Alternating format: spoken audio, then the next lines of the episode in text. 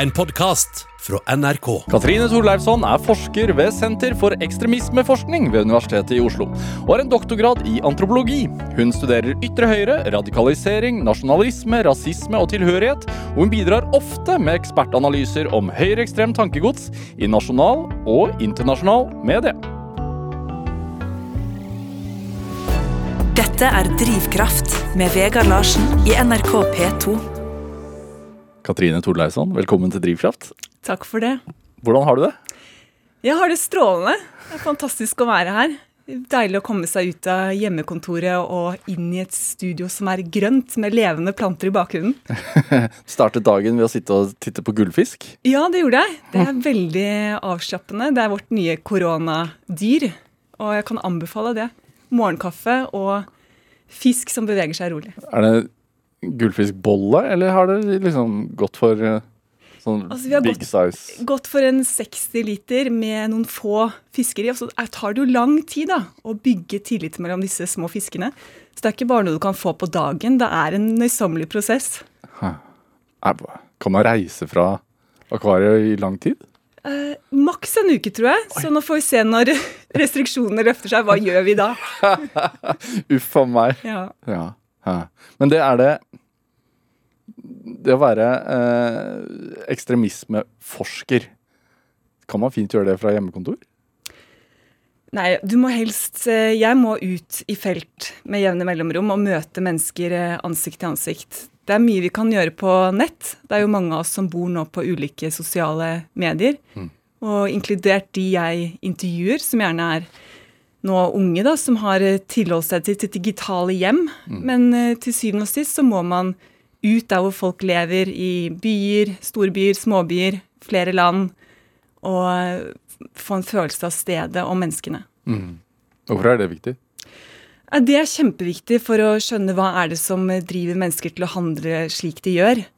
Og hvilke begrensninger er det de har i livet sitt? Hvorfor føler de avmakt? Og hva er det de kan gjøre for å endre livet sitt? Får, man lettere sannhet eh, ansikt til ansikt, eller er, det enk- er man ærligere på nettet, tror du? Jeg tror eh, Ansikt til ansikt så skjer det jo noe med oss eh, mennesker. Da får du en moralsk forpliktelse til den du sitter eh, ovenfor. Ja. Men nå ser vi jo at det er en tidsalder hvor det er utrolig mye mobbing og desinformasjon og hets på, på nettet. Nettopp fordi du skaper en avstand til det andre mennesket. Og da er det lettere å skrive noe eh, støtende. Skrive noe som avhumaniserer. Skrive noe som oppfordrer til i verste fall vold, da, som jeg forsker på. ja, Som man egentlig kanskje ikke står for, men bare lirer av seg, liksom. Absolutt. Det, er- det er lettere når du sitter foran skjermen. Ja. Du, på, på Twitter for eksempel, så kaller du deg selv politisk antropolog. Hva, hva er det for noe? Det er en liten subdisiplin. Altså, det er både sammenblanding av statsvitenskap og også klassisk sosialantropologi. Ja. Og antropologi dreier seg om å ja, dra ulike steder, komme inn i livsverdener, i lokalsamfunn og skjønne hva er det som er deres drivkraft, hvor er det skoen trykker, hvorfor samhandler de som de gjør. Og statsvitenskap dreier seg om politiske strukturer og institusjoner, så det er koblingen mellom de to. Forsk, altså feltarbeid, rett og slett? feltarbeid. Og det er en veldig herlig metode, fordi du får jo innsikt i utrolig mange kulturer og liv og steder, så det er en utrolig privilegert metode. Men det er en sånn sneglefartmetode. Det krever eh, tålmodighet og det motsatte av eh, rask og hurtig forskning, da. Vi, vi, altså, jeg kjenner deg jo mest fra media. Altså at du eh, Hvis det har vært øh, øh, en hø- høyreekstrem som har gjort en eller annen ugjerning, så uttaler du deg ofte. Eh, men hva, hva gjør du egentlig? Hva er jobben din? Så jobben min er jo å intervjue både velgere og politikere av eh, ytre høyre partier og bevegelser. Og det har jeg gjort snart i 20 år i veldig mange land. Eh, Jeg begynte også å forske, skrev doktorgrad om dette fenomenet om nasjonalisme, egentlig, i Israel. Og flyttet da og bodde med marokkansk-jødisk familie på grensen til eh, Libanon. Men det var etter jeg hadde lært meg hebraisk. Og så var jeg i Syria, bodde med en kristensyrisk familie også året før det. Eh, for å lære meg arabisk. Så da var jeg interessert i disse konfliktskillelinjene i den regionen. Kristensyrisk, eh, jødisk-marokkansk. Mm. Og det interesserte deg fordi? Fordi jeg har alltid vært opptatt av at det er et stort eh, etnisk og religiøst og kulturelt mangfold i Midtøsten. Og da jeg var rundt 18-19 år, så skjedde 11.9., altså terrorangrepet i eh, i USA. Mm. Og da ble det fort en sånn rammefortelling om at det er Vesten mot eh, resten. Og dette var på et tidspunkt hvor jeg litt nerdete allerede skrev om marokkansk-jødisk kultur, som opptok meg da. Mm. Hadde reist lenge også i, med israelere i, i Latin-Amerika. Og var interessert i også deres mangfoldige bakgrunn. Noen var holocaust-overlevende, noe hadde slekt fra arabiskspråklige land. Så da var jeg veldig nysgjerrig. Mm. Og flyttet da til eh, Syria på en tid hvor det var mulig, men hvor jeg også fikk innblikk, lærte meg arabisk, fikk innblikk i eh, det fantastiske landet, gjestfriheten, men også de veldig mange ulike religiøse retningene der. Lærte deg arabisk, lærte deg hebraisk. Er språk lett for deg? Eh, språk er lett. Jeg har en veldig musikalsk tilnærming til eh, språk, så jeg har nok et språkøre. Men det er også en gave, fordi hvis du er flerspråklig, så er det jo veldig mange måter å være i verden på. Mm. Så Da snakker jeg arabisk og by på én måte. Det er en annen måte å være på. Så eh, det å Hva sa du nå? Eh, nå, jeg sa noe helt Nå snakker jeg arabisk, nå snakker jeg hebraisk. Så illustrerer musikken da, i ja. språket. Og det er en eh, gave, vil jeg si, det å kunne lære språk, fordi det åpner seg nye verdener gjennom det. Å være på, og også uttrykke seg på, og også kunnskap. Ja. Hvor lang tid har du brukt på å lære deg de forskjellige språkene? Ja, flere år. Det var, eh, jeg satt på um, universitetet i Damaskus et år, og i Jemen, i Sana, intensivt. Og på universitetet Hva er intensivt? Hva betyr det? Det betyr mange timer. altså Fire-fem timer med språkundervisning hver dag. Ja. Og eh, på universitetet i Haifa var det jo Jeg studerte med russisk-jødiske immigranter. Eh, og det første ordet vi måtte lære, var savlanot. På hebraisk betyr det tålmodighet. Som ny immigrant må du ha tålmodighet. Så da fikk jeg en litt innblikk i hvordan det er å være helt ny immigrant og som må lære seg språket for å håndtere byråkrati og hverdagsliv. Ja. Hva gir det deg? Eh, det, det, gir meg flere perspektiv på tilværelsen, tror jeg. Og så gir det meg noen ganger savn og nostalgi, fordi mm, her i Norge, selv om det snakkes mange språk, i, i min, eh, mitt daglige virke på jobben snakker jeg jo engelsk primært. Ja. Jobber på engelsk. Um, mens her er det jo det fantastiske språket norsk ja. som vi snakker, sånn at det, det gir meg masse. Er det Altså det er, man har jo alltid en drøm om å kunne altså flere språk. Det er en slags sånn superkraft. Er det Hender det at du handler et sted hvor du vet at de prater eh, hebraisk eller arabisk, og bare slår over? det, det, gjør jeg ofte, og noen ganger er det velkomment, og noen ganger er det noen som har sett veldig rart på meg. Jeg var i Disneyland en gang med datteren min, og så 'Å, dette språket snakker jeg også!' Og så står de litt rart på meg. Hvem, hvem er du? Ikke sant? Men, eh, men, noen ganger i jobben min er det jo helt avgjørende å ja. kunne de språkene. Ja. Og at eh, ellers ville du ikke fått verken tilgang eller tillit. Um, så det er jo kjempeviktig. Og um, men de siste årene har jeg jobbet mest i engelskspråklige land, og nå eh, jobber jeg i Norge. Så det å kunne bytte mellom språk, men også kunne bytte mellom Gå inn og ut av ulike livsverdener, det er også privilegiet. Ja. Hva gjør du på Cerex?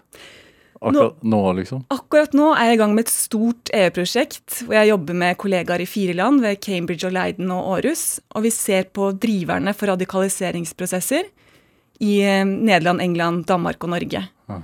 Og det er kjempespennende, fordi vi kombinerer på en måte de strukturelle driverne, altså økonomi, historie, sosiologi, kombinerer vi med å intervjue unge aktivister mellom 18 og 25 ansikt til ansikt.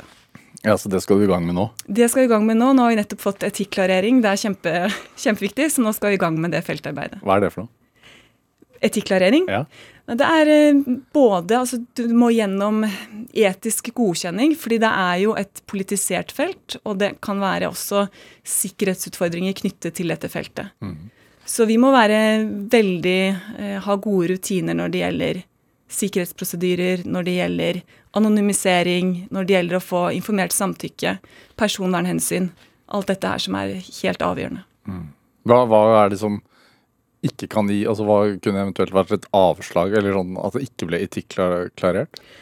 Ja, hvis du ikke har, har gode prosedyrer for eh, anonymisering, for informert samtykke, hvis du ikke har tenkt gjennom potensielle risikoscenarioer, hvordan skal du redusere det? Hvordan skal du beskytte de menneskene du skal jobbe med, men også beskytte deg selv som forsker, f.eks. Ja, ja fordi, fordi at det er en risiko involvert? Det er en risiko involvert, og som jeg snakket til å begynne med, spesielt hvis du jobber i, på nettet, så er vi nå i en, i en tidsalder hvor det er flere som kan da angripe deg også. Det er hacking, det er memifisering, trollekampanjer, og alt dette er teknikker som ikke var en del av feltarbeidet for ti år siden. Men nå er det ny teknologi som brukes både til å eh, ja, intimidere forskere, politikere, og det er en del, dessverre, av virkeligheten for mange, og det truer jo også akademisk frihet. Dette er Drivkraft med Vegard Larsen i NRK P2. Og i dag er eh, ekstremismeforsker Katrine Torleifsson her hos meg i Drivkraft på NRK P2. Altså, dette nye feltarbeidet du skal begynne med, som er eh, på oppdrag fra EU, var det sånn? Ja. ja. Det, det skal du gjøre, du skal gjøre intervjuer i Norge. Eh, hvordan går det frem? Vi har jo tilgang til en del eh, miljøer, eh, så det handler jo om å bygge tillit til de eh, som skal være med i studien. Og så har vi ulike grupper vi intervjuer, både praktikere, men også unge aktivister, og de som er det vi kaller ideologiske tenkere i disse miljøene. Er det hovedsakelig høyreradikale? Vi ser både på radikale islamistmiljøer og også da det vi omtaler som ytre høyre. Og, og hvordan legger man en sånn plan? Den har vi lagt nå et, eh, et år. Den er eh, lik i alle de fire landene. Ja. Og så er vi ganske mange forskere som er eh, involvert. Og så dreier det seg om å opparbeide tillit med de du skal jobbe med, faktisk. Og hvordan gjør man det? Ja, det er en langs, altså det er en prosess som tar lang tid. Så nå har jeg også rekruttert av forskere som har den kunnskapen og tilgangen som kreves for å gjøre et sånt studie. Ja. Hva vil det si? Nei, det er eh, konfidensielt, holdt jeg på å si. Det er, eh, det er eh, Ja, så som antropolog, som jeg sa, dette er en langsom metode. Da er det jo Når f.eks. jeg tidligere har flyttet til steder, så dreier det seg om Først er du jo en fremmed når du kommer til et nytt sted. Og så presenterer du et forskningsprosjekt. Altså jeg er interessert i hvorfor stemmer dere på dette partiet, la oss si et ytre høyre-parti. Og da er jo gjerne de du jobber med, ute etter å bli kjent med deg. Hva er det du gjør her? Så det er en gjensidig prosess å få den eh, tilliten. Har du gjort det noen gang? Det har jeg gjort Akkurat- mange ganger. For eksempel? For eksempel har jeg jobbet blant uh, UKIP-velgere i en liten gruveby i England som heter Doncaster.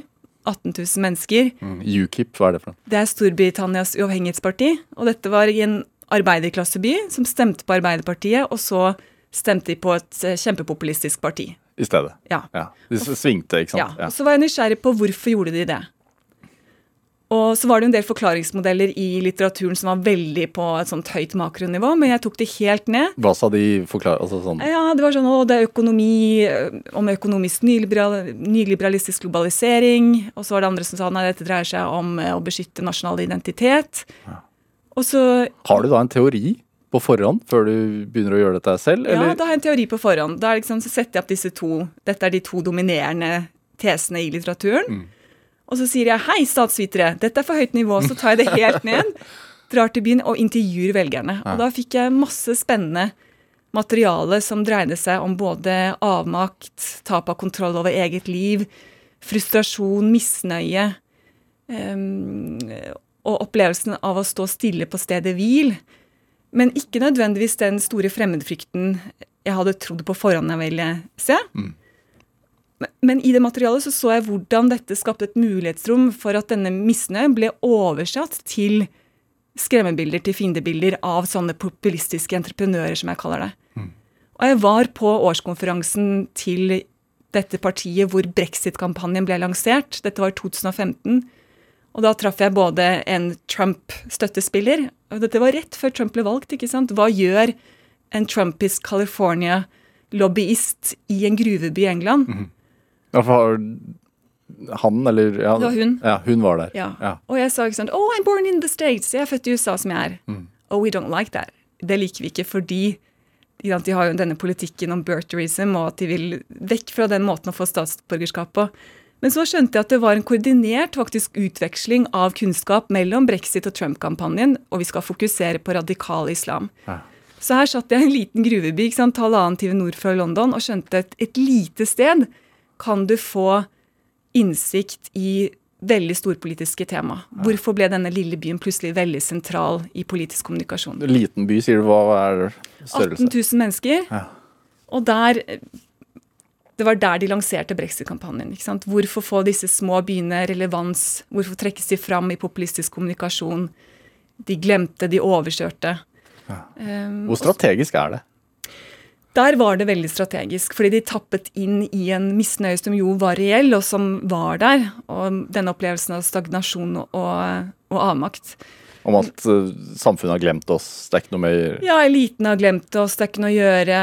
Uh, it's a disgrace. der er, sant? Våre barn får ikke en bedre framtid, vi står på stedet hvil. Eh, og da jeg dro til Ungarn for å se på noe tilsvarende, så var det jo litt andre dynamikker. Og der gikk det mer på sjalusi. Altså hvorfor skal de syriske mennene få komme til EU når vi står i kø for å få arbeid? Det var den type retorikk. Ja.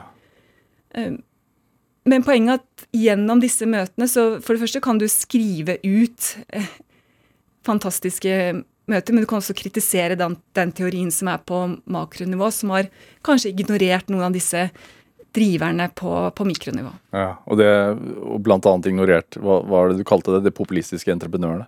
Ja, disse små midtmenneskene, kvinner og menn, som har en helt sentral eh, rolle i å oversette disse mikroutfordringene på lokalt nivå, Ja. og oversetter det, og gjerne i sånne kampanjer som er på nett. da.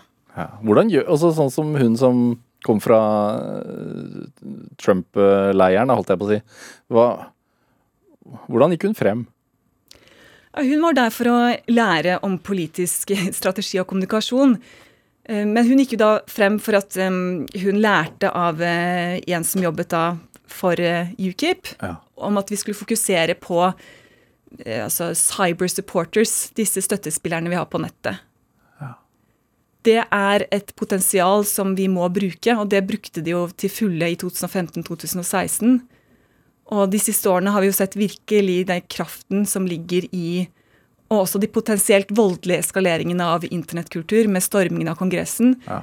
som er egentlig samme dynamikk. Du tar opp i deg disse fiendebildene som utformes på nett i ekkokammeret. Og så får du folkevalgte til å omfavne deler av det, og så får det en politisk eh, sprengkraft og mobiliseringskraft. Hvor lenge var du der? I England. Ja. Der var jeg fram og tilbake i et halvt år, og også Ungarn. Så dette var jo et flersidig feltarbeid. Det var i flere, flere steder. Og i Ungarn reiste jeg også rundt med politiske eliter, men det lengste feltarbeidet jeg har gjort noen gang, var to år. Det var i Israel. Ja. Hva gikk det ut på?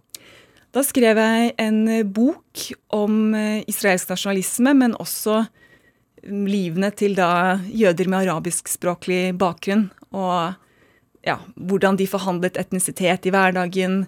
Eh, hvorfor er det sånn at de på visse tidspunkt så blir nasjonalismen hardere? Du kan ha en middag med din palestinske nabo den ene måneden, og neste måned er det en militær operasjon, og så forandrer det seg. Så jeg så også på teoretisk da, når er det nasjonalismen blir varmere, og når blir den kaldere, og hvordan kan både historien forklare det, og også den nåværende situasjonen. Når blir den varmere, da?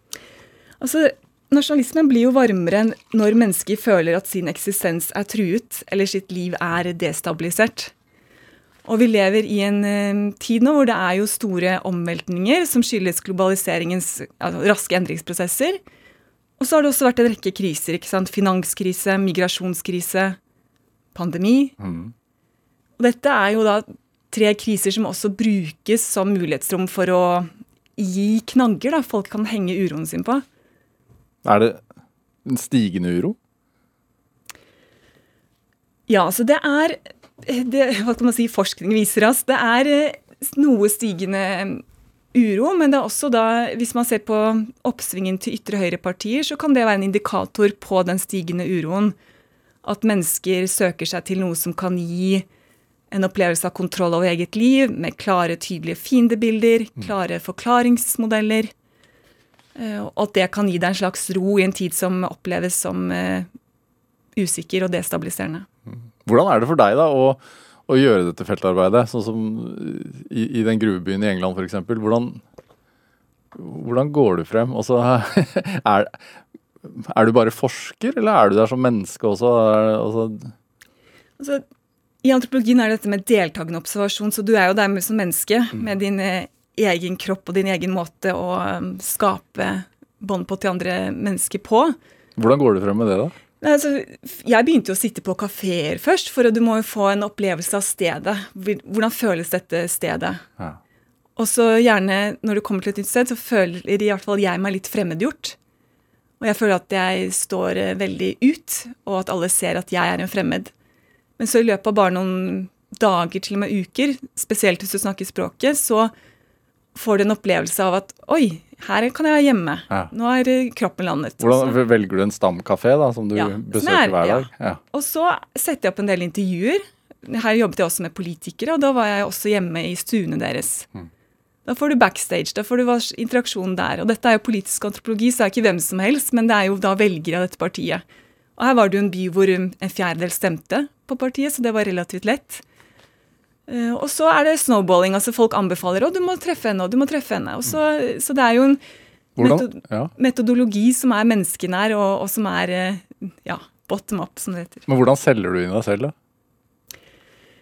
Jeg er alltid veldig ærlig i forhold til prosjektet. Ja. Jeg sier 'hvorfor stemmer dere på dette partiet'? Det er jeg interessert i, fortell. Og da er det, og mennesker generelt elsker jo å snakke om sine egne liv. Ja. Men jeg merker jo også at det er sånn ja, ja, ikke sant, det er én ting at man elsker å snakke om sitt eget liv, men det er også en sånn Og det så vi jo at det har vært en skepsis mot media, skepsis mot en elite. Altså, du er forsker, uh, uttaler deg ofte i media.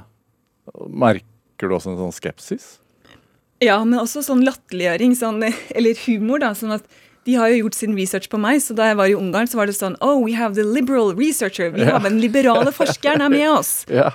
Så da hadde jo de satt sammen digitale spor til en hel profil av meg. Men så er de også syns det gjerne er stas å bli forsket på, og der må vi være bevisst som forskere at ikke vår forskning blir misbrukt for å normalisere eh, menneskefiendtlig politikk, f.eks. ja.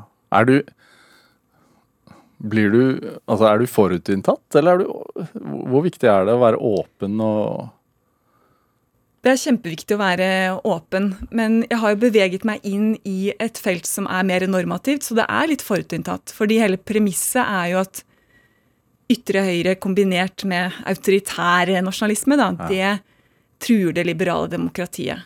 Det truer fundamentale menneskerettigheter og, og menneskeverd. Ja, og det vil du jo ikke. Og det vil jeg ikke, så da er det jo en normativ slagside. Mens klassisk antropologi, f.eks., da er det mer sånn vi skal kulturrelativistisk skjønne alle kulturer, praksiser, livsformer, ikke være dømmende. Men jeg er nok i et felt nå som er mer dømmende. Ja. Er det Altså, Du snakker om når nasjonalismen blir varm. altså Når, eh, når blir den farlig? Ja, den blir jo farlig når den eh, oppfordrer til, eh, til vold. Altså når den utfordrer statens voldsmonopol og går inn i det høyre ekstreme. Mm. Og da, før du gjør det, har du gjerne avhumanisert noen utgrupper. Du har etablert misnøye og mistillit til media, til vitenskap. Og før volden er det jo en avhumaniseringsprosess. Den kan man se historisk, og den gjentar seg. Mange av disse fiendebildene er veldig seiglivete. Sånn som i møte med pandemien nå, er det jo mye antisemittisk propaganda i digitale subkulturer som følger helt klassisk gamle oppskrifter. Som går på Ja, Den går på klassiske antisemittiske forestillinger om ønsket om verdensherredømme og kontroll.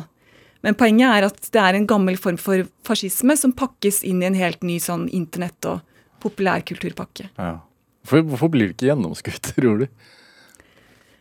Det blir nok eh, gjennomskudd, men samtidig er det også dette Hvis du har avvist helt sentrale fellesinstitusjoner og ser på deg selv som en miniforsker, så kan det også gi deg en opp, opplevelse av eh, ja, glede og kontroll og retning og ta del i denne eh, matrixen som finnes på nettet, hvor du skal finne koder, og det er slik det egentlig er, og du får den politiske oppvåkningen og avviser vitenskap. Ja.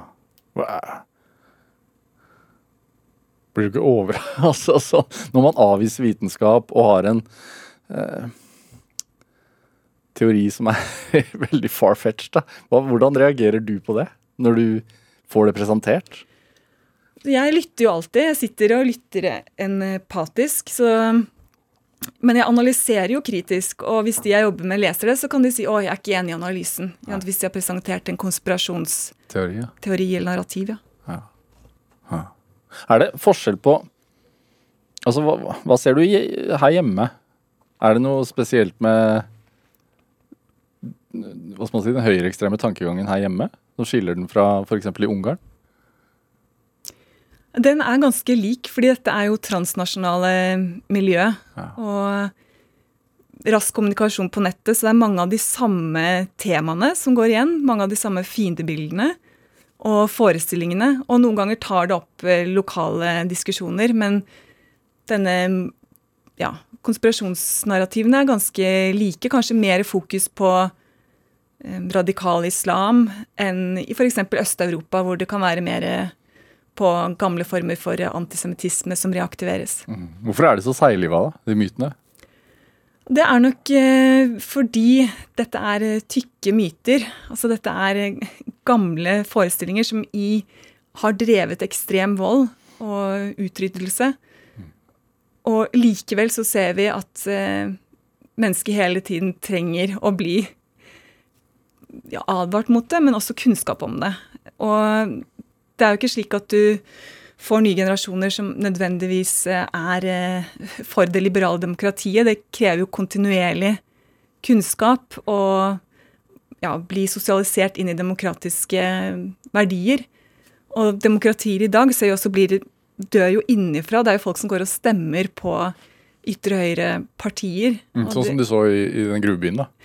Ja, da var det mer populisme, men i hvert fall sånn som du ser utviklingen i Ungarn. Mm at det er over halvparten som stemmer på autoritær nasjonalistisk leder. Og det er slik da demokratiske institusjoner forvitrer innenfra. Så det kan være ganske sakte, stillegående prosesser. Og, og deles også det vi ser i store demokratier i hele verden, altså fra Brasil, Tyrkia, USA, Filippinene. Ja. Er det mangel av håp, rett og slett, som fører til det?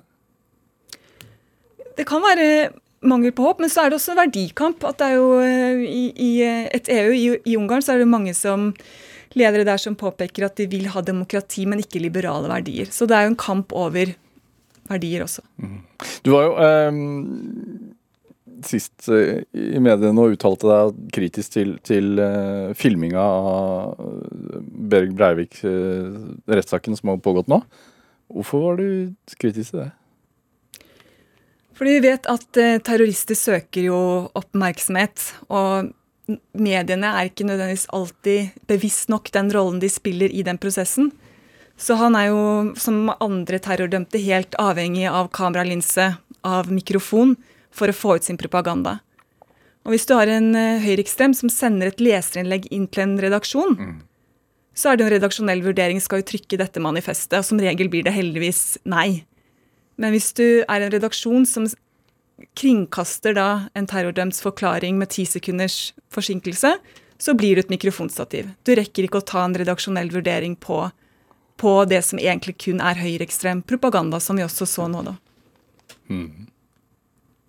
Er det, hva, med, hva med det som sies på nett, da? Burde det være strengere sensur? Burde man gått inn og stoppet ja, absolutt. Altså, det, alle de store teknologiselskapene prøver jo nå å minimere at deres plattformer blir misbrukt av høyreekstreme, men de lykkes ikke helt. Altså, de sier jo at det er umulig, nesten. ikke sant? Ja, altså det er jo så et stort uh, digitalt økosystem. Og noen plattformer klarer det, og så er det aktører som finner opp et nytt språk, nye symboler. Mm. Og så er det miljøer hvor, uh, hvor alt går, hvor det er selve tiltrekningskraften til plattformen. Så framover kommer til å se Nå ser vi at det popper opp nye plattformer hele tiden. Nå kommer Trump med sin egen Truth, frihetsplattformen. Mm. Så um, det er nok nødvendig også å jobbe med dette med kritisk dannelse, identifisere desinformasjon, fordi det kommer til å være plattformer hvor selv ikke eh, mennesker kan sitte og, og deplattforme alt, og heller ikke automatiserte maskiner. Sånn at det å ja, bygge demokratisk resiliens og bygge også den kritiske kompetansen blir kjempeviktig. Mm. Hva, altså Hvor stort er det altså går det, an, altså, det mørke nettet, hvor stort er det? det er jo usikkert enormt. Ja, altså På de plattformene jeg har studert, så er det et, noen millioner månedlige brukere. Og det er jo i mange forskjellige land med mange kontinenter, så det er en global samtale. Mm. Og du ser at propagandaen der har jo sånn globalt medforfatterskap, og det blir imitert. altså Det er memes og, og, bilder spesielt som har en veldig mobiliserende kraft. Um, men så er det de store plattformene, Meta, Twitter, YouTube, Instagram. De prøver nå å, å um, ja, minimere eksponeringen til, uh, til straffe, altså propaganda som er straffbar, da, og det er jo de som oppfordrer til vold. Mm. Hva håper du også sånn når du, du skal ut på nytt feltarbeid, og gjøre ny studie og, og skrive en ny rapport, antageligvis? hva, hva, hva, håper du kommer ut av det? Og jeg håper Vi er kjempenysgjerrige. Vi har jo igjen masse teser. Jeg håper vi får mer kunnskap om dette mellom offline og uh, online mobilisering. Mm. Um, og det skal i fagfellesvurderte journaler. Det er også en snarlig prosess. Det er ikke bare rapporter, det skal um, publiseres i vitenskapelige journaler. Men det er uh, noe jeg er veldig nysgjerrig som driver meg, og det er jo dette nettopp med den eh, algoritmiske radikaliseringen når vi intervjuer unge også om hvilke samfunn er det de tilbringer tid på, hvilke plattformer er det de mobiliserer, hvor er det historier skapes, eh, hvilken rolle har de selv i det, og forholdet da til det som er eh, utenfor skjermen. Mm. Algoritmisk radikalisering. Det er et nytt ord for meg. Ja. Nei, det er det vi utsettes for, mange av oss. da, Når vi, du trykker på noe på skjermen din, så lagrer det seg digitale spor. Og hvis det du trykker på er eh, mørkt og kanskje også litt forbudt, så går du fort ned kaninhullet. Kan. Kanskje, hvis ja. du er sårbar for det. Ja. Burde man vet, Nå vet jeg ikke helt hvordan skolesystemet fungerer, ja, men burde en sånn kritisk lesning til internett liksom bli en del av, av eh, opplæringen til eh, dagens barn? Ja, absolutt. Det bør være, bør være ABC. Og ja. det er så både tilhørighet og utenforskap som oppstår på disse plattformene. Ja. Og det at både lærere, men også foreldre og omsorgspersoner er i stand til å åpne en samtale. Ikke være sånn redd og var den frosken der, eller var det symbolet der, men være litt nysgjerrig på barnas digitale liv. Og det vet jeg kan være utfordrende i hverdagstørketrommelen. Du gir barnet et iPad, her er iPaden. Ja. Mens det faktisk Å ja, hva skjer på Roblox? Hva skjer på På Roblox? Snap, ja, altså Som er sant, en slags gamingplattform. Og se på Snapchat? og se på den gamingplattformen? Ja.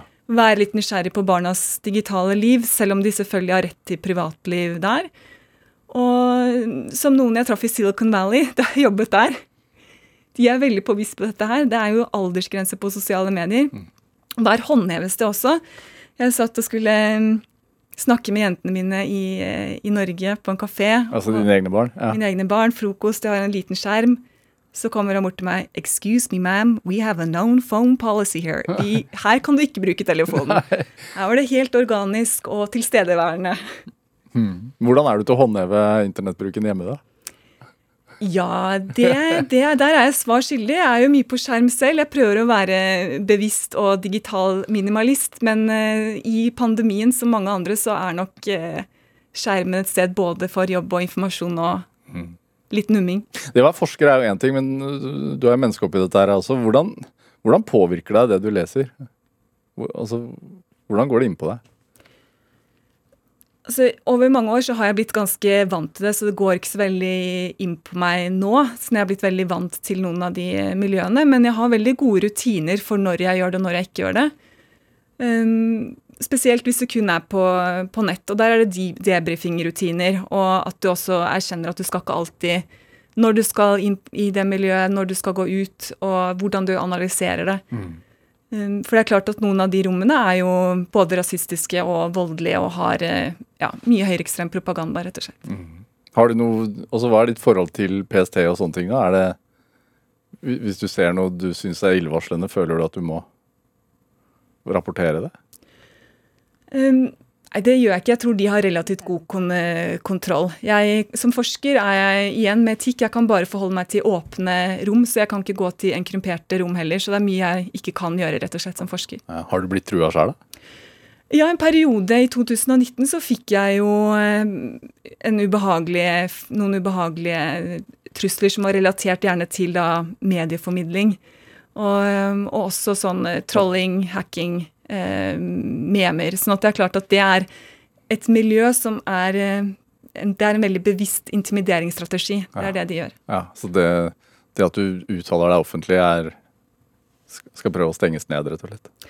Ja, og det Mobbe deg til stillhet? Ja, det er det de gjør. Altså, det er jo mm, ja, spesielt kvinnelige forskere som ytrer seg i offentlig. Mm. Og da er det jo intimideringsstrategier som er laget for at du skal trekke deg tilbake, være stille. Ja. Hvordan reagerer du da? Det var jo veldig ubehagelig da det skjedde. Men igjen så tror jeg nå dessverre Ikke at man skal bli vant til det, man skal stå, stå opp mot eh, nettmobbere og netthatere. Men det er jo, vitner jo noe om at vi lever i Det er en transnasjonal digital tid hvor dette skjer, og det kan innskrenke ja, akademisk frihet og, og ytringsfrihetsrommet til ja, folk som er i offentligheten. Mm. Eh, Katrine Torleifsson, vi skal spille litt musikk. Du, du har med ja, med to forskjellige låter så sa du jeg skal bestemme meg eh, der inne. Eh, har med en Nina Simone-låt og en Jimmy Hendrix-låt. Hvilken skal vi spille? Jeg tror vi går for eh, Nina Simone, ja, fordi det har en så deilig oppgitt eh, oppgitt rytme. Det er sjangeroverskridende, det er jazz og blues og soul og alt som er deilig i ett. Ja, og hvorfor er den viktig for deg, da? Det er, eh, det er, eh, drivkraften i selve låten. Og den har så masse menneskelig følelse i seg. Og så har jo Nina Simone en fantastisk livshistorie selv, men er, for meg er det mest følelsen i låten. Ja. Eh, den andre jeg egentlig vil spille, giftet jeg meg til, Jimmy Henriks Little Wing, men vi går for Nina Simone. Hun er rå. Hva føler du da? Hva? Hva føler du da, altså, siden følelsen er viktig? Det er um, semireligiøst, det er uh, overskridende, suggerende. Og det er litt sånn løpekraft, drivkraft, i, eh, i låten. Og så handler det jo om altså Sinnerman. Det handler om syndemannen som ikke kan løpe fra syndene sine, men at du må stå i det du føler. La oss høre.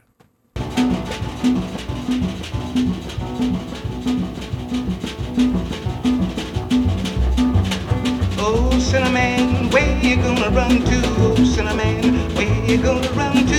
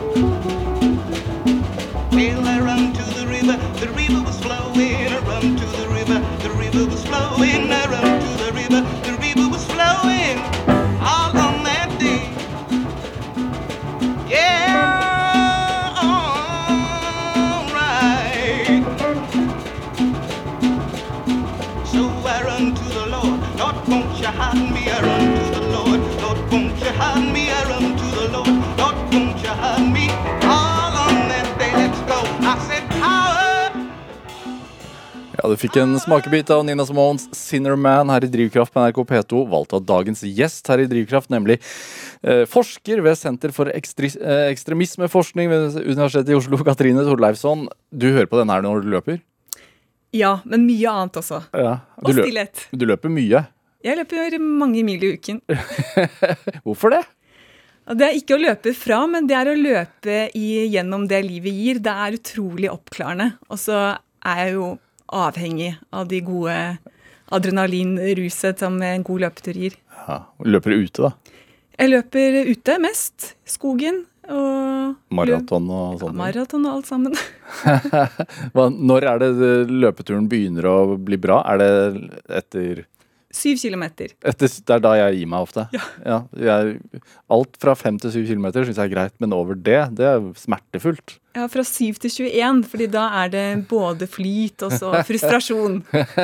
Når begynte du med dette her? Jeg begynte med det for syv år siden, og det begynte jo egentlig mm, etter moren min døde av, eh, av kreft. Så begynte jo som en sånn slags klassisk da, sorgterapi, altså løpe fra. Og så gikk det fra å løpe fra til å stå i og bare være helt frigjørende og oppklarende. Hva gjør det altså, Da mistet du jo moren din ganske ung. Hva gjør det med deg?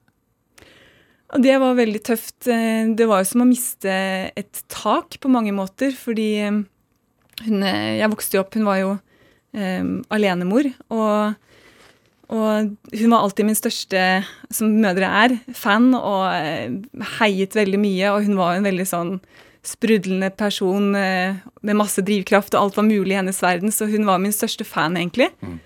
Eh, og så døde hun jo da datteren min bare var noen uker gammel, så jeg hadde jo også barselperioden min på Hospice Lovisenberg, og det var veldig sterkt å både stå i den på den ene siden eh, ja, miste en mor og samtidig få en datter eh, i det rommet, var veldig sterkt. Tillater man seg selv å føle på sorgen da? Når man også skal liksom være en beskytter?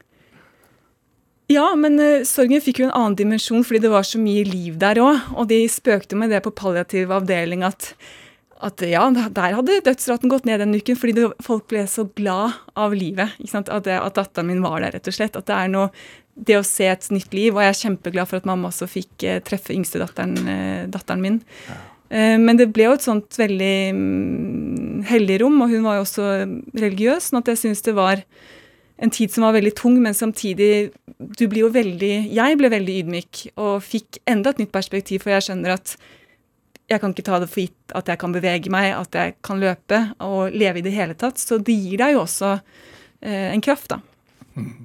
Er det Hun var religiøs, sier du. Er du religiøs? Nei, det er ikke på den måten hun var. Hun eh, hadde gudstro og ja. Ja.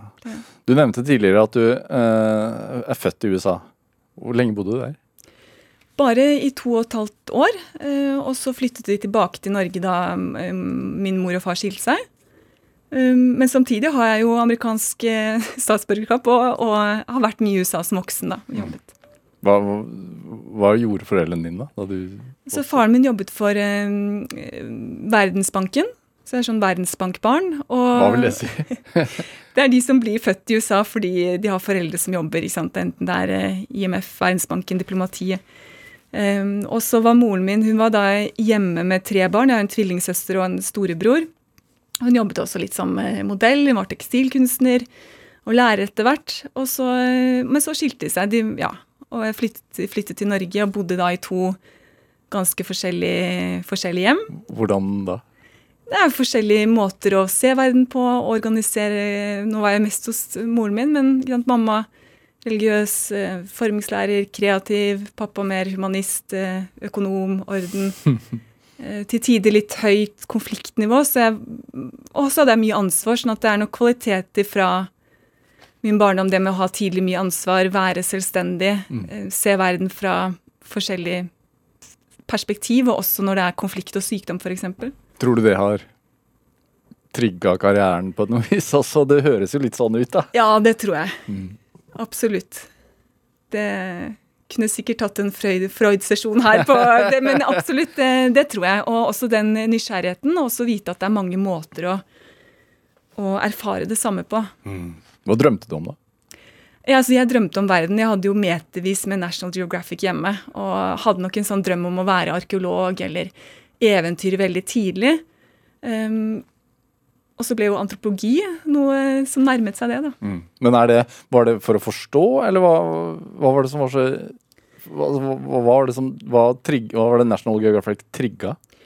At den planeten vi bor på er så sammensatt og, mangfoldig, så det trigget nok. Altså både selvfølgelig eventyrlyst, litt spenning, men primært også det at her vi er nå ikke sant? Jeg vokste opp på Smestad Oslo. Det er bare ett lite sted på planeten, og det er utrolig mange måter å innordne livet sitt på, leve det på. Ja. Mm. Privilegert del av hovedstaden. Ja, absolutt. Er det hvor, Det å søke deg ut, hvor, hvor fort gjorde du det? Veldig tidlig. Jeg satte meg vel på et fly da jeg var 17 år til, eh, til Thailand, fordi jeg, jeg, jobbet jo mye. Jeg hadde mm, tidlig økonomisk selvstendig også, så jeg var alltid veldig tidlig ut. Ja. Ja. Hva jobbet du med da, da? I Thailand? Nei, ja, for eksempel. Nei, det var bare en reise. Men Nei. tidlig jeg hadde en Jeg søkte meg, jeg hadde en sommerjobb i Kirgisistan, i Bishkek, hvor jeg jobbet med flyktninger fra Tadsjikistan. Da var jeg 19. Um, hva, hva, fikk deg til å gjøre noe sånt? Andre drar til Bali? Det var nok både ønske litt sånn naivt om å gjøre noe bedre konkret for, for andre da, men også en region som jeg syntes hørtes spennende ut. Så jeg satte meg på flyet fra Moskva til, til Bishkek og, og Ja, og, og, bodde der på en gammel skole et par uker den sommeren. Og så, hmm. og så var det jo til LSI året etter, da. Til studier der. Ja. Er det, det å gjøre en forskjell for andre, hvor kommer det fra, tror du? Det er nok eh, verdier jeg også har fått eh, hjemmefra, vil jeg si. Um, men også være eh, ja, litt ydmyk til det å ha privilegier selv. Og igjen det på å gjøre en forskjell i dag, og, og, sånn at verden kan bli litt bedre i morgen. Det kan jo høres litt sånn cheesy naivt ut, men, men det tror jeg også var en drivkraft. Men også kombinert med også selvfølgelig eh, eventyrlyst, opplevelse. Det å bare være deg selv i verden og møte mennesker du skal samarbeide med. Ja. Og det, Hva var det som trigget det da? Altså, begynte å studere antropologi, og det er jo jeg har studert litt sosialantropologi, het det den gang. Nå heter det vel bare antropologi, eller heter det fremdeles sosialantropologi? Det heter sosialantropologi. Jeg studerte på LSI utviklingsstudier og politisk antropologi. Det er mange subdisipliner. Ja, og det er jo ofte sånn, sånn Når man blir introdusert for det, så er det jo ofte sånn studier av stillehavsøyer og eh, mindre sånn småskalasamfunn som, som er veldig sånn forskjellig fra vårt eget. Ja, jeg gikk jo til London School of Economics, og det var jo et institutt som var grunnlagt av Bronislav Malinowski. Ja. En av de store. store innen antropologien. Men den måten å gjøre antropologi på, hvor du var på en måte hvit mann på en øy i Stillehavet med notatbok, den er eh, ganske gammeldags og utdatert. Mm. Så nå er det jo kjempemye spennende antropologi som blir gjort i mange forskjellige samfunn, og, og som også ser på globalisering. Du kan ikke Det er ingen uh, mann som er uh, alene på en øy. Verden er sammenbundet, selv på Trobianderøyen og i Stillehavsøyer. Mm. Hvorfor er det så vesentlig at vi forstår det? Nei, fordi Ellers så blir det en sånn eh, feilaktig framstilling og en romantisering av eh, den øde, isolerte øy. At vi er alle sammenbundet. Og det er veldig viktig i forhold til de krisene som planeten og menneskeheten står overfor. At eh, mitt liv er på en måte knyttet til ditt liv. Mm. Og det er derfor når du møter eh, ultranasjonalister, da, så har de gjerne det motsatte forståelsen. Det er bare sånn Det er mitt liv i dette lille landet. Det er det eneste som teller. Så det er noe med å, å være bevisst på at vi er sammenbundet. Tenker du at du har nok tid? på planeten? ja. Nei, jeg er nok eh, rastløs og igjen også veldig bevisst på at uh, den er kort. Og derfor er det enda viktigere å se det litt i langsiktig perspektiv. Og gjøre litt i dag som uh, kan gjøre det bedre for de, våre barn og barnebarn. Ja, tenker du det hver dag? Nei. Nei. ikke når jeg ser på Gullfisken og drikker kaffe om morgenen. Da er det mer sånn matpakke, logistikk. Ja. ja. Men det, altså sånn Hva var det som trigget uh, deg inn i det? Var det opplevelsen i, i Israel, eller hva var det som startet fokuset på høyreekstreme eller ekstremisme i seg selv? Så høyreekstremisme var nok, eh, altså på ultranasjonalisme var nok både i erfaringer jeg gjorde i Syria, i eh, Israel, altså dette med hvorfor konflikter eh, oppstår. Men da jeg fokuserte på det høyreekstreme i Europa, kom jo det også på grunn av at jeg fikk altså en stilling ved EU og jobbet med Europa. Dette var 2015 med mm. flyktningkrisen. Og da hadde jeg også forutsetning for å se hvordan det syriske da, bildet av det syriske ble, ble framstilt og misframstilt i den perioden. Mm. Så, um, og så har det jo noe med at jeg fikk barn for elleve år siden, og, um, og, det å da bo i um, Midtøsten var mindre aktuelt da. Altså Fra 11.9 til nå, hvordan har det utviklet seg? I um, den regionen? Ja, nei, jeg tenker nå sånn retorikken, polariseringen. Og det er jo en del som skjedde da, som har rammet inn dette store, at det er Vesten mot resten, at det er en sivilisasjonssammenstøt. Og det aktualiseres med jevne mellomrom. Um, så det er ganske konsistent. Men så har det skjedd mange endringer de siste ti årene. Det at det har blitt en rask normalisering av mange ytre høyre-partier i europeisk politikk, amerikansk politikk f.eks. Har det gått raskere enn du har trodd? Ikke enn, jeg, ikke enn jeg hadde trodd, fordi der har jeg ikke vært eh, naiv. Altså, vi lever jo fremdeles i en tid hvor eh, folkemordet på seks millioner jøder, hvor det fremdeles finnes tidsvitner til det. Altså til det store sivilisasjonssammenbruddet i, eh, i, Europa. Og det er ikke så lenge siden i et historisk perspektiv. Nei. Hm. Blir du Hvor mange land har du bodd i? Jeg har bodd i fem land, men så har jeg jobbet i ja, tolv ja. forskjellige land. Hva har du lært av det? Nei, jeg har lært at det er um, mange måter å, å, leve på. Og så er det veldig spennende å jobbe med mennesker med ulik kulturell bakgrunn, ulike måter å kommunisere på.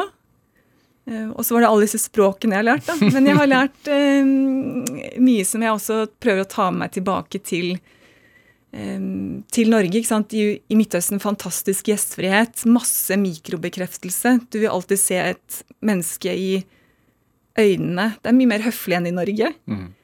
Og så har jeg jo en bergensk familie som i all beskjedenhet er ganske eh, frodige og pratsomme. og amerikaneren i meg. Sånn at disse kvalitetene tenker jeg er eh, kan være også ja, positive i en norsk kontekst, hvor det kanskje er mer konsensus og stille og kanskje litt eh, i midten. God, til smalltalk, med andre ord? ja. Men det er jo mye nå i pandemien, det er jo veldig mye mikrobekreftelse i eh, å bli sett på butikken. Ja. Sant. Som vi kanskje har tenkt mer på. Det med musikaliteten altså Farmoren din er musikkpedagog? Ja. er du musikalsk, bortsett fra språket? Ja, altså jeg, jeg vokste opp med å spille fiolin ja. og spille piano. Nå spiller jeg fiolin med datteren min, så um, musikk er en kjempeviktig måte for meg å være i verden på. Og var en veldig viktig del av oppveksten. Ja. Hvorfor er det viktig å være en del i verden på? Ja, det går tilbake på uh, språk, men det er en måte å uttrykke um, følelser, sinnsstemninger, kommunisere. Du kan alltid ha en jam session når du reiser rundt i verden hvis du har et instrument eller stemmen din eller uh, rytme. Mm. Så det er et universelt språk. Og så er det ikke Det er jo sjangeroverskridende, det er ikke grensesettende, det er innovativt. Uh, men jeg vokste opp med en bergensslekt som var veldig fokusert spesielt på Edvard Grieg, og det var veldig mye uh, Og er masse musikkglede mm. i den slekten. I forhold til forskningen din, altså hvordan ser du på man hører jo hele tiden at uh, man blir mer polarisert. Uh, nasjonalismen vokser. Hvordan, hvordan, ser du på de neste fem årene? Altså, du spår kanskje ikke når du er forsker, men uh... Jeg vil ikke spå, men jeg ser jo også deler en del uro som andre kollegaer gjør også. som for eksempel? Nei, At du ser på demokratiindekser, at helt etablerte demokratier faller på demokratiindekser. At du ser en digital hverdag hvor det er eh, ekkokamre og det er forvitring av felles eh, offentligheter. Mm. Så det, hvor skal vi ha den felles samtalen hvor vi kan være kjempeuenige og stå i den uenigheten? Det er jo veldig behagelig å trekke seg tilbake til et rom hvor alle er ja-mennesker og alle er enig i det ditt perspektiv, men det å kunne ha et rom som jeg tror et robust demokrati krever, hvor du kan tørre å stå i uh, uenigheten. Og hvis det forsvinner, så kan mye tillit også forsvinne. Så det er jo et varselsignal. Altså hvordan opprettholde eh, tillit basert på uenighet. Da. Mm, er det mye mer sårbart enn man tenker, egentlig? Demokratiet? Ja, det vil jeg absolutt si. Det ser vi også historisk, og det ser vi i dag. Det er jo også mange store demokratier som går i autoritær retning. At det blir styrt av uh, sterke menn, noen ganger kvinner også, men med med veldig mm, ekskluderende agendaer og autoritære agendaer. Føler du at du slåss mot det? Jeg vil ikke si at jeg føler at jeg slåss mot det, men jeg, det gir mening å forske på et felt hvor du ser at det resultatene kan brukes til noe også. Det kan bli brukt av beslutningstagere til å ha mer kunnskap om eh, driverne for det illiberale, for det autoritære, og, og forhåpentligvis endre det. Da. Ja. Du holder jo noen ganger foredrag for, for, for de som bestemmer. Hvilke reaksjoner får du da? Det er eh, heldigvis mange beslutningstakere som er eh, interessert i forskning fremdeles. Det er ikke alle land det er. Det er. Mm. Men eh, vi får et stort gehør. også i store internasjonale forum hvor det er et stort behov for denne kunnskapen nå. Spesielt også med det som skjer på digitale plattformer. Det er et transnasjonalt fenomen som krever transnasjonale løsninger. og Da kan man ikke jobbe på nøy med det. Katrine Torleisson, hva tenker du er drivkraften din?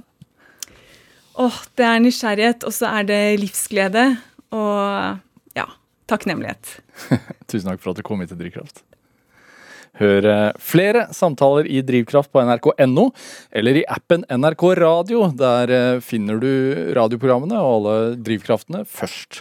Send oss gjerne ris og ros og tips til eh, mennesker du mener har drivkraft. Send den e-posten til drivkraft, alfakrøll.nrk.no. Vi hører gjerne fra deg, og alle tips mottas med et stort takk. Produsent og researcher i dag var Heidi Andersen. Jeg heter Vegard Larsen. Vi høres. Du har hørt en podkast fra NRK. Hør flere podkaster og din favorittkanal i appen NRK Radio.